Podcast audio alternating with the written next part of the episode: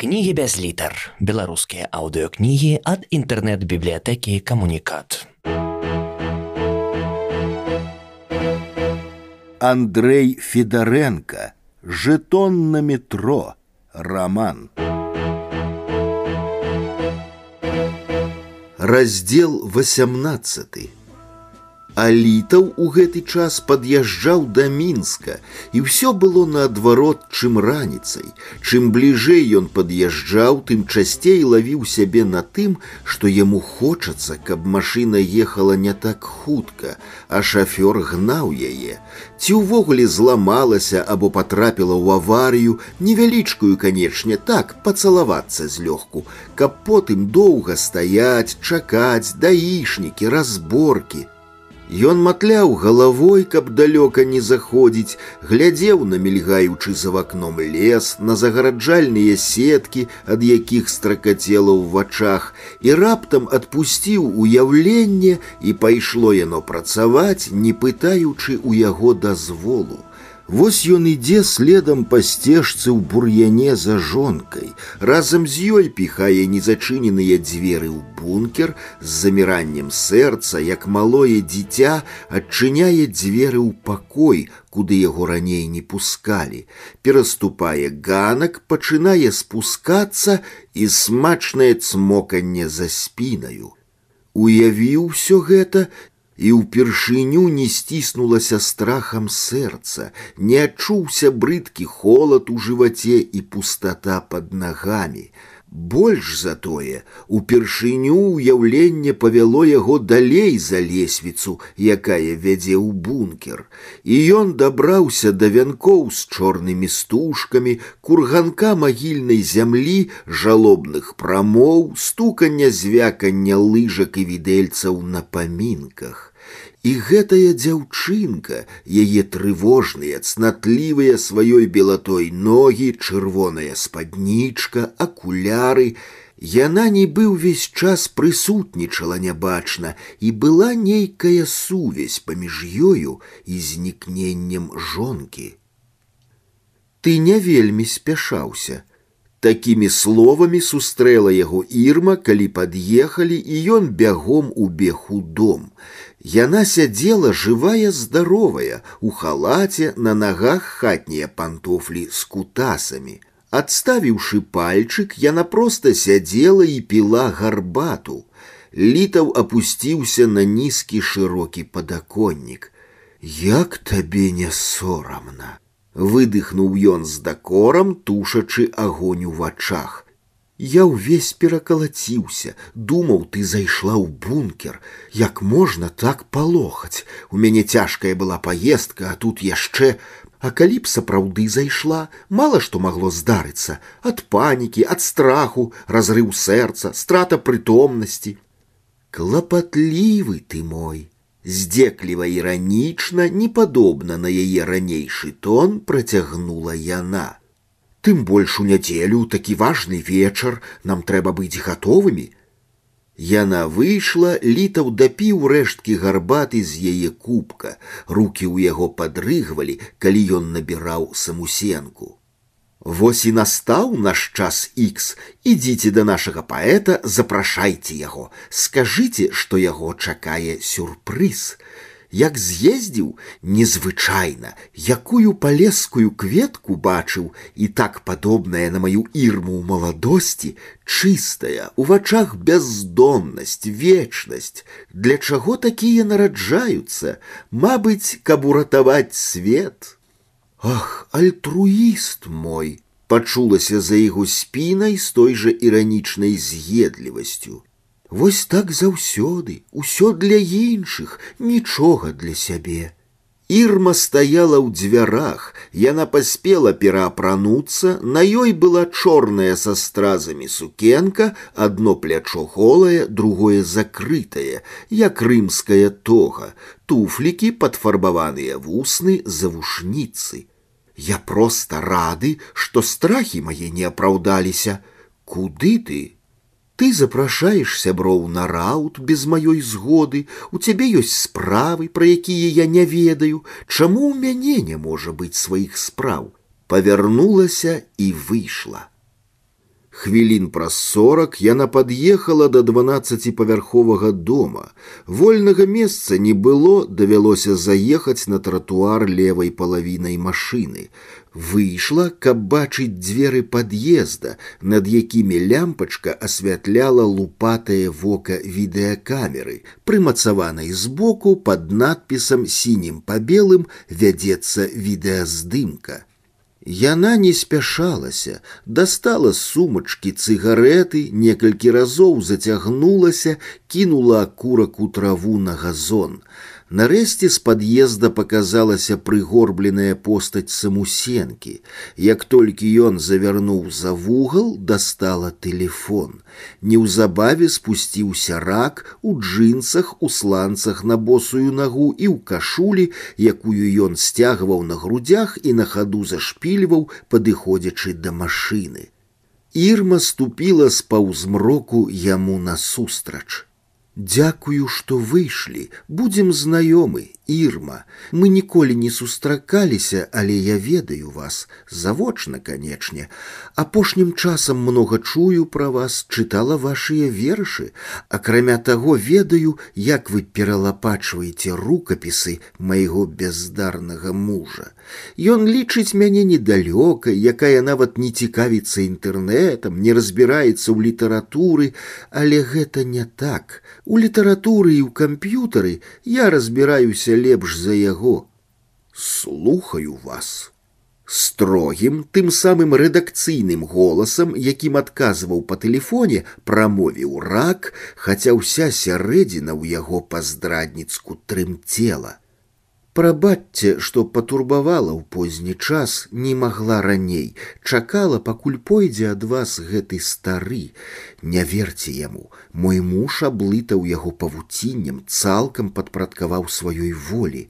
Давайте сядзем у машыну. Рак паслухмяна залез, у салоне пахла парфумай. Слухаю вас.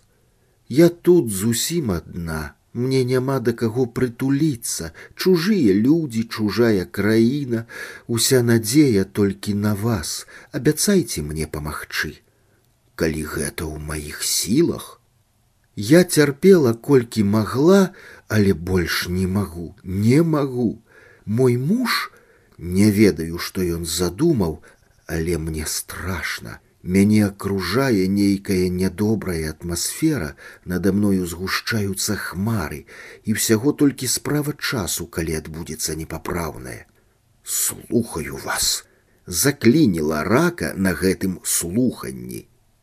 Мой муж ненармальны, памешаны чалавек, маньяк. Ён не можа доўга быць з адной жанчынай. Я здагадваюся, што ён мяне проста разлюбіў і хоча замяніць іншай маладзейшай. У мяне ёсць усе падставы так думаць. Я была ўжо ў падобнай сітуацыі толькі ў іншай ролі у Латвіі. Там усё пачыналася цюцелька ў цюцельку, як і тут. І там літаў кінуўся вучыць мову, чытаў я на райніса, убіраў сябе, як ён кажа, чужую культуру, знаёміўся і ўваходзіў у давер мясцовай эліце, а насамрэч падшукаваў, падбіраў для нечага людзей. Мне было тады восемнадцать, яго ранейшай жонцы, як і мне цяпер каля двадцаці пяці, і ён мне казаў: « Ах, як ты падобная на маю жонку ў маладосці. Скончылася тым, што яго жонка знікла пры загадкавых абставінах, а я заняла яе месца.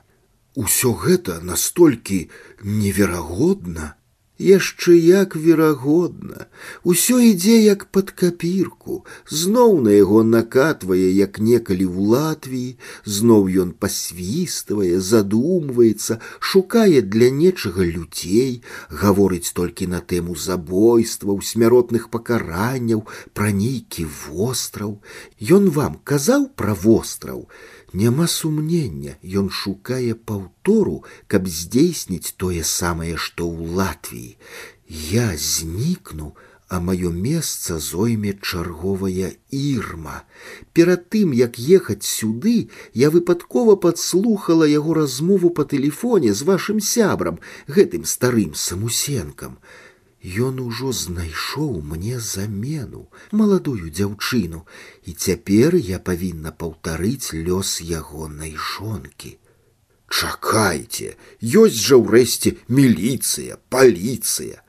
За прачуванне не заводзяць крымінальную справу, ды і ён абвядзе вакол пальца любую паліцыю. Вы не ўяўляеце, які ён хітры, як усё прадумвае. Помаўчалі. У маўчанні рак дыхаў шумна, Ён адчуваў, як праступае пад пахамі пот. Але нашто такія складанасці так адкрыта, падрыхтоўка, збор людзей, усё навідавоку, калі б я, дапусцім, выношваў злачынства, я рабіў бы гэта ў такой тайне, што, У тым і справа, што вы нармальны, а ён не. Логіка яго перакручаная, казуістычная, ён адкрыта ўцягвае масу людзей. Калі гэта спрацоўвала раней і паспяхова спрацоўвала, дык нашто яму адмаўляцца ад праверанага спосабу. Ён знарок робіць гэта пры максімальнай колькасці сведкаў, адданых яму сяброў, аўтарытэтных людзей, у тым ліку і вас. А сэнс? Калі са мной нешта здарыцца, не будете ж вы сведчыць супраць яго. Ну, допустим, спланаваць так, але як гэта можна ажыццявіць? Куча варыянтаў, любы няшчасны выпадак, тое, што я не ўмею плаваць, баюся вышыні, у нас ёсць балкон, з якога падаў рабочы, тое, што я кепска ваджу машыну, што ў мяне клаўстрафобія, чаго варты хоць бы гэты ідыёцкі бункер у закінутым садзе. Ён кажа, што рыхтуе яго пад музей, але дасюль там няма ніводнага экспанату, а сёння з бункерам ужо была рэпетыцыя. Ён знарок пакінуў дзверы адчыненымі, а як іх адчыніць сярэдзіны, ведае толькі ён. Уяўляеце, калі б я зайшла туды, то з вами цяпер не размаўляла б. Прабачце, але ў мяне не ўкладваецца ў галаве. Я не магу ўявіць разумнага, інтэлігентнага, багатага, творчага чалавека ў якасці Дык слухайте ж, неяк ён адкрыўся мне, што ёсць у яго брат, вялікі чыноўнік, які яго прыцясняе, што нібыта мы жывем на яго грошы, выконваем яго капрызы, куды ён скажа, туды едзем, літаў тады кінуў слова, што пора б ужо вырвацца з яго надта моцных абдымкаў. Потым той чалавек нібыта эміграваў ва ўкраіну, гэта было зімой, а ў пачатку вясны ў цэнтры Кіева забойства важнага чыноўніка, супадзенне дзіўнае, згадзіцеся, канечне, цяпер літа ўсяляк адпіраецца, а з іншага боку у яго развязаны руки, нічога яго больш не стрымлівае. Выйдзем, калі ласка, як курыць хачу. Выйшлі з машыны ў цёплую лагодную знаёмую ноч. Скажите, чаму б вам просто не развесціся? Вы наіўны чалавек. Няўжо вы думаеце, што ён так проста мяне адпусціць? Я адзіная сведка. Калі-небудзь я магу і перастаць маўчаць, Ды як жыць з чалавекам, які ведае тваю нядобрую тайну.